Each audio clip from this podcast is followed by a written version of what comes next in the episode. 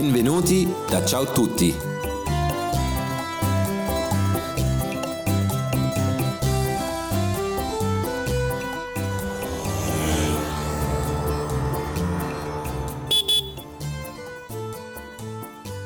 Welkom bij Ciao Tutti's podcast. In deze aflevering vertel ik je alles over mijn favoriete moment van een Italiaanse dag, de aperitivo. Waar komt deze traditie vandaan en wat is de historie van een aantal van de beroemdste drankjes? Neem een glas wijn of een Aperol Spritz en geniet al luisterend van een uitgebreide aperitivo. Allora, volevo ordinare due prosecchi belli pieni, eh? E se ci porti qualche pizzetta perché sennò dopo svengo. Grazie.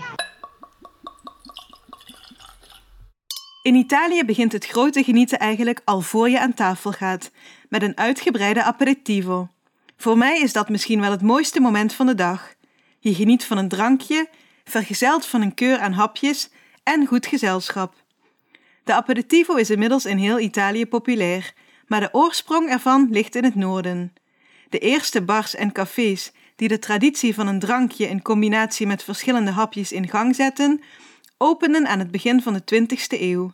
Als geboortegrond wordt meestal Turijn aangewezen, waarover ik je straks meer vertel. Ook in Milaan, Venetië en Florence bestaat deze traditie al langere tijd. Langzamerhand zakte de aperitivo-traditie steeds verder zuidwaarts, zodat je nu in heel Italië kunt genieten van hapjes en bijpassende drankjes voor het diner. Ciao, buonasera, vogliamo ordinare? Allora, siamo in tre e prendiamo un Manhattan, un eh, Bellini e un analcolico per me e accompagnato da un po' di stuzzichini. Grazie.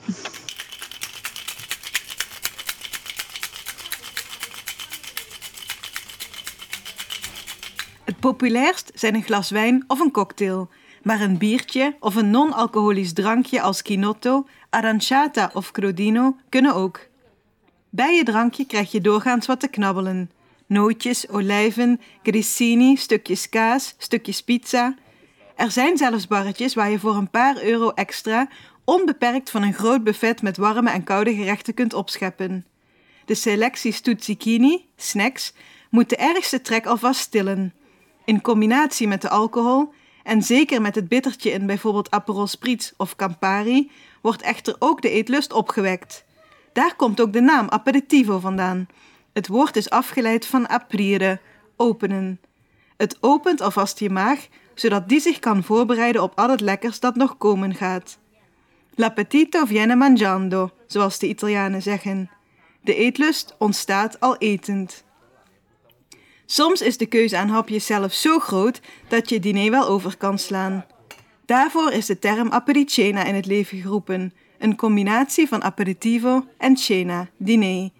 Denk dan aan hapjes als gevulde focaccia, frittata, kleine sandwiches, pasta salades en gefrituurde lekkernijen. E ora permettimi fare un spritz misto Aperol con Campari e magari se te puoi portare anche cicchetti e due patatine, grazie. Maar wat bestel je nu als je neerstrijkt voor een aperitivo? Enorm populair is de oranje gekleurde Aperol Spritz. Aperol werd voor het eerst op de markt gebracht in 1919. Het was een uitvinding van de gebroeders Luigi en Silvio Barbieri, die in Padova een distilleerderij hadden. Tijdens een internationale beurs die in Padova plaatsvond, lanceerden ze het warm oranje drankje met onder andere bittere sinaasappel, gentiaan, rabarber en kina. Het was meteen een enorm succes. De flessen waren niet aan te slepen. De broers bleken met dit oranje drankje goud in handen te hebben. Dat wisten ze zelf ook maar al te goed, want ze hielden het precieze recept altijd geheim. In het begin werd Aperol vooral in de markt gezet als een drankje voor vrouwen. Dankzij het relatief lage alcoholpercentage van 11%, ter vergelijking, het alcoholpercentage van Campari is bijna het dubbele, zette men vooral in op het feit dat het drankje goed voor je figuur zou zijn, iets waar vrouwen ook in die tijd gevoelig voor waren. Inmiddels heeft de familie Barbieri Aperol overgedaan aan Campari, waar het aperitief nu wordt geproduceerd. Prendiamo un Aperol Spritz, un Prosecco e anche un taglierino di salumi e formaggi. De toevoeging spritz is overigens niet afkomstig van de Italianen, maar van de Habsburgers. Tijdens de Oostenrijkse bezetting van Venetië en andere delen van het noordoosten van Italië vonden de Noorderlingen de wijn namelijk veel te sterk om zo te drinken. Ze deden letterlijk water bij de wijn. Zo ontstond spritz, dat letterlijk dan ook niets meer of minder betekent dan aanlenging. Een Aperol spritz is dus letterlijk Aperol met de toevoeging van water. Alleen zouden de Venetianen hun volksaard geen eer aan doen als ze niet ook wat lekkers zouden toevoegen in de vorm van prosecco. Buongiorno, salve, vorrei ordinare due aperitivi, magari per me uno spritz e per il mio amico un aperol e se è possibile anche due stuzzichini, ok? La ringrazio tanto. Een Aperol Spritz kun je in heel Italië bestellen, maar een van de meest memorabele plekken voor zo'n Spritz is Terrazza Aperol in Milaan, meteen naast de Duomo. Het ontwerp van de bar is van de hand van Antonio Picciullo, die zich duidelijk heeft laten inspireren door de ingrediënten van het drankje. Zo heeft de bar de vorm van een sinaasappelschil en komt de kleur oranje overal waar je maar kijkt terug. Buiten, op het terras, toost je met uitzicht op de gigantische Duomo, die je hier vanuit een uniek perspectief kunt bewonderen. Thuis een Aperol Spritz maken kan natuurlijk ook. Het recept is namelijk heel simpel. Je vult een glas met ijsblokjes, voegt gelijke delen Aperol en Prosecco toe en schenkt er tot slot een scheut bruiswater bij. Serveer met een schijfje sinaasappel en pronto is je eigen Aperol Spritz. Variëren met de hoeveelheden kan natuurlijk, als je je drankje juist wat sterker of liever wat minder sterk drinkt. Het is een beetje als met koffie, zo schrijft Tessa Kiros in haar Venetiaanse kookboek Ciao Bella. Het ligt nogal persoonlijk en gevoelig. Haar favoriete recept: eerst vier ijsblokjes, dan 60 ml Aperol, vervolgens 60 ml witte wijn en een flinke scheut sodawater om alles in beweging te krijgen, zoals ze dat zo mooi schrijft. Tot slot nog een flink stuk sinaasappel met schil en één olijf op pekelwater, uitgelekt, al dus haar toch wel precieze instructie. Per me un Campari Spritz e cortesemente qualche pizzetta. Een andere aperitieve optie is een Campari Spritz of een glas pure Campari. De geschiedenis van Campari begint in 1860 in het Café dell'Amicizia, het café van de vriendschap, in Novara. Dat café was eigendom van Gaspare Campari. Hij wilde naast de bekende drankjes ook een eigen brouwsel schenken, maar hoewel hij er bijna dag en nacht aan werkte, slaagde hij er maar niet in iets lekkers te maken. Tot hij die ene avond het zoveelste proefslokje nam en zo verrast was dat hij spontaan het hele glas leegdronk. Hij vervolmaakte het recept nog iets voordat hij het officieel aan de gasten ging schenken, onder de naam Bitter all'uso di Olanda, omdat Nederlandse likeuren in zijn café zo populair waren. Campari's recept wordt nog altijd gebruikt, maar inmiddels vindt de productie niet meer achter de toog plaats. Het drankje heeft wel de naam van zijn bedenker gekregen. In 1904 werd vlak bij Milaan de Campari-fabriek geopend en sindsdien is er geen houden meer aan. Elke Italiaanse bar schenkt Campari en iedereen kent het rode drankje. Ciao, senti, ci porti due Campari Spritz e te dottor che te bevi? Negroni, due Campari Spritz e Negroni. E poi magari ho qualche stuzzichino pure, sai, patatine, pizzette, quello che c'hai, porta che abbiamo fame. Grande, grazie. Een Campari Spritz of een gewone Campari kun je net als een Aperol overal bestellen. Een uniek adresje om dit drankje te proeven is Il Camparino in de Galleria Vittorio Emanuele in Milaan. De oorspronkelijke bar werd hier al in 1915 geopend. Ook nu nog voert het bekende drankje hier de boventoon. Een ander leuk adresje voor Campari-liefhebbers is de Galleria Campari in Sesto San Giovanni, waar de geschiedenis van het merk tot leven komt in tientallen kleurrijke reclameposters. Se siete a giro per Firenze ed avete voglia di prendere un aperitivo, non potete non passare dal Giaria e prendere il classico dei cocktail fiorentini, che è il Negroni. Il Negroni è un cocktail molto forte, molto buono, ma anche molto facile da fare. Infatti è fatto da un terzo di gin, un terzo di vermouth rosso e un terzo di bitter Campari. E a noi ci piace finirlo con una scorzettina di arancia. Een van mijn favoriete Italiaanse cocktails op basis van Campari is de Negroni. Dit drankje zou in 1919 zijn ontstaan in Florence. De Florentijnse edelman Camillo Negroni wilde in zijn stamcafé wel eens iets anders bestellen dan de Americano die hij normaal gesproken altijd dronk. Negroni was echter niet zo heel inventief, dus het enige dat hij uiteindelijk wilde was een extra scheut gin in zijn cocktail. De barman van Casoni had daar geen problemen mee en stelde zo de allereerste Negroni samen. Sempre a Giaria potete trovare anche la nostra rivisitazione del Negroni che si chiama Negroni turbato. Il Negroni turbato è sempre fatto con tre ingredienti. Un gin calabrese fatto con la torba, quindi un gin affumicato, un vermouth all'aceto balsamico e il bitter del ciclista, che è un bitter all'eucalipto. E lo finiamo con una scorzettina di limone. Een andere variant op de Negroni is de Negroni sbagliato, dat letterlijk een verkeerde Negroni betekent. Het is dan ook een drankje met een foutje. Dat foutje is te danken aan barman Stocchetti, die cocktails maakte bij Barbasso in Milaan. Eind jaren 80 pakte hij per ongeluk een fles Prosecco in plaats van gin. Deze foute Negroni bleek echter bijzonder goed te smaken en belandde zo als Negroni Sbagliato op de cocktailkaart van Barbasso. Al gauw volgden andere bars dit voorbeeld en de Sbagliato werd een begrip.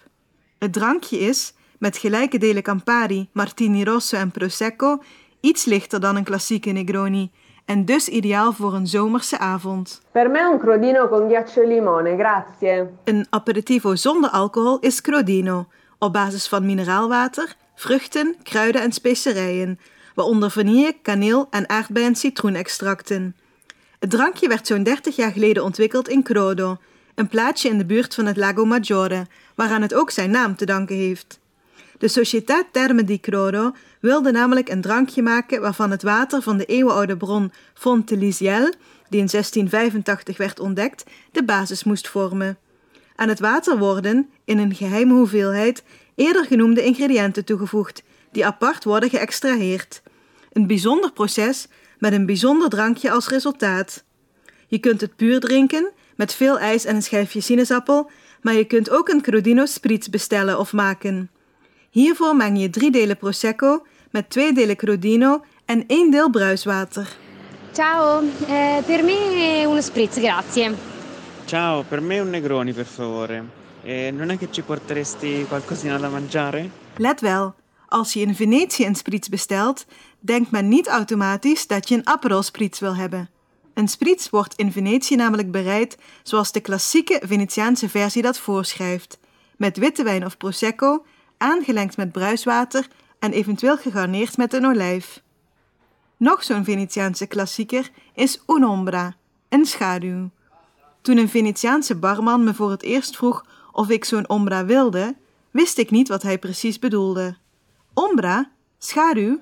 Zo heet was het nu ook wel niet die dag. De barman zag mijn verwarring en besloot me kennis te laten maken met deze bijzondere Venetiaanse traditie. Terwijl hij een glas witte wijn voor me inschonk, vertelde hij over hoe de Venetianen de enorme vaten witte wijn vroeger koel hielden. In de schaduw van de Campanile, de klokkentoren van de San Marco. De schaduw die deze klokkentoren over het plein wierp, was volgens de Venetianen groot genoeg om een flink aantal wijnvaten uit de felle zon te houden. Dat werkte inderdaad, maar deze manier van koelen had letterlijk en figuurlijk een keerzijde. De wijnvaten moesten namelijk met het draaien van de zon steeds verschoven worden. Best een klus, want zo breed is die toren nou ook weer niet. In die tijd vroegen Venetianen als ze een glas koele witte wijn wilden bestellen om un'ombra, een glas uit een van de in de schaduw gekoelde vaten. Dit begrip is tot op de dag van vandaag nog altijd gangbaar in de Venetiaanse bars en cafés, ook al wordt de wijn natuurlijk al lang niet meer gekoeld in de schaduw van de klokkentoren van de San Marco. Samen met de barman toostte ik op deze bijzondere traditie. Salute, op de schaduw van de San Marco.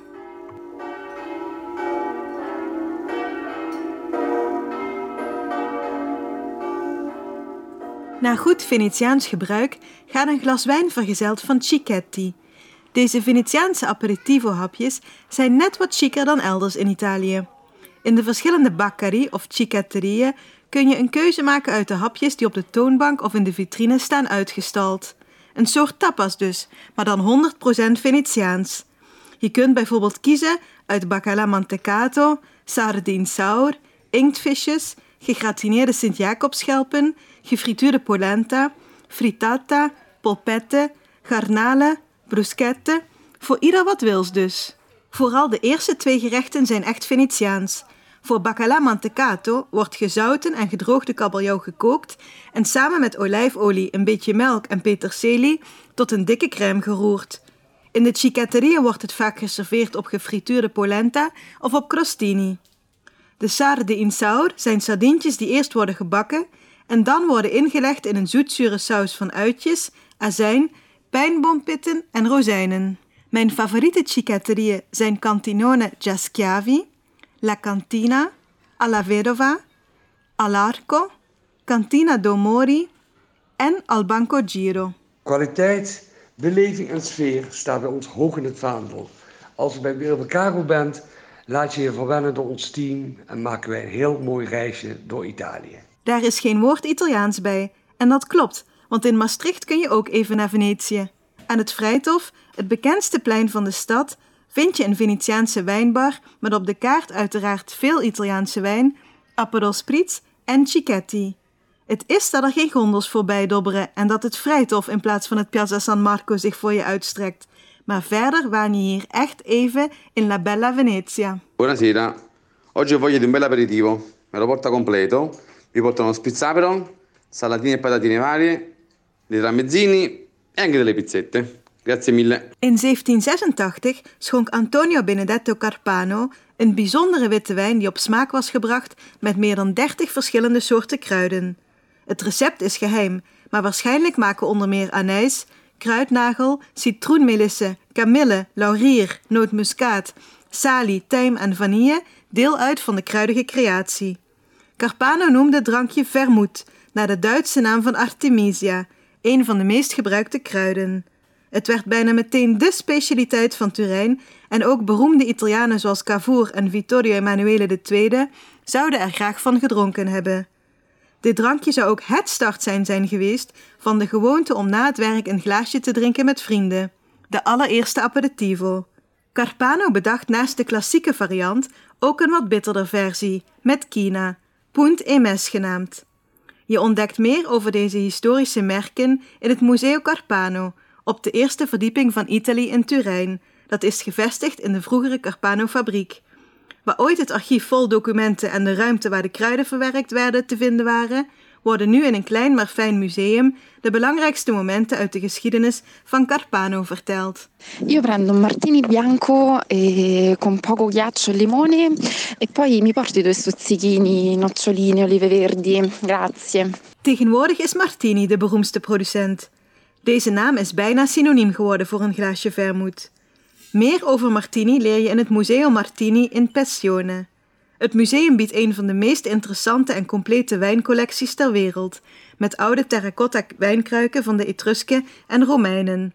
Na een reis door de geschiedenis van het maken van wijn kun je ook de kelders van de eerste Martini en Rossi fabrieken bezoeken. Per me un Campari Spritz molto carico, grazie. In Bologna ga ik voor een aperitivo graag naar Osteria del Sole.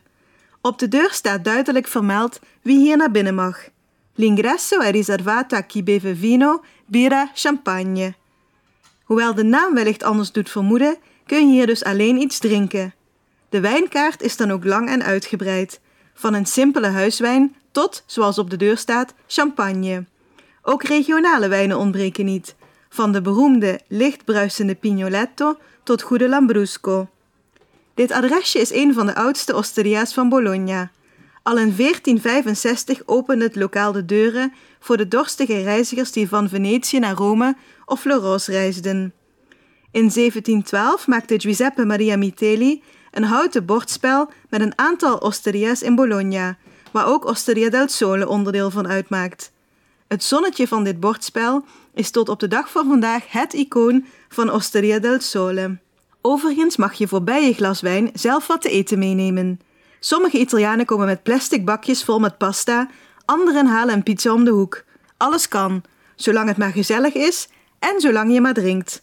De papieren op de deur laten daar geen onduidelijkheid over bestaan. Senti, scusa, me lo porteresti uno spritz e un Negroni per la mia amica? Anche due di Negroni per me, grazie. Ook een aanrader in Bologna is Le Stanze, waar je een aperitivo drinkt op een wel heel bijzondere plek. In de oude kamers van het palazzo dat ooit toebehoorde aan de familie Bentivoglio, die in de 15e en 16e eeuw over Bologna heerste. De huidige eigenaren hebben de originele fresco's in ere hersteld en in combinatie met de bizarre inrichting levert dit misschien wel de bijzonderste culinaire locatie van de stad op. Ook in andere steden heb ik zo mijn favorieten, die terug te vinden zijn op ciaotutti.nl. Maar mail gerust mocht je op zoek zijn naar een bijzonder aperitivo-adres van Padova tot Lecce, van Floros tot Palermo, van Verona tot Napels, van Turijn tot Termoli. Grazie voor deze gezamenlijke aperitivo. Heb je genoten van alle mooie verhalen en tips? Laat het dan weten via een recensie in je favoriete podcast-app of via onze social media kanalen. Alla prossima! Tot de volgende keer en chin chin! Cin cin, salute!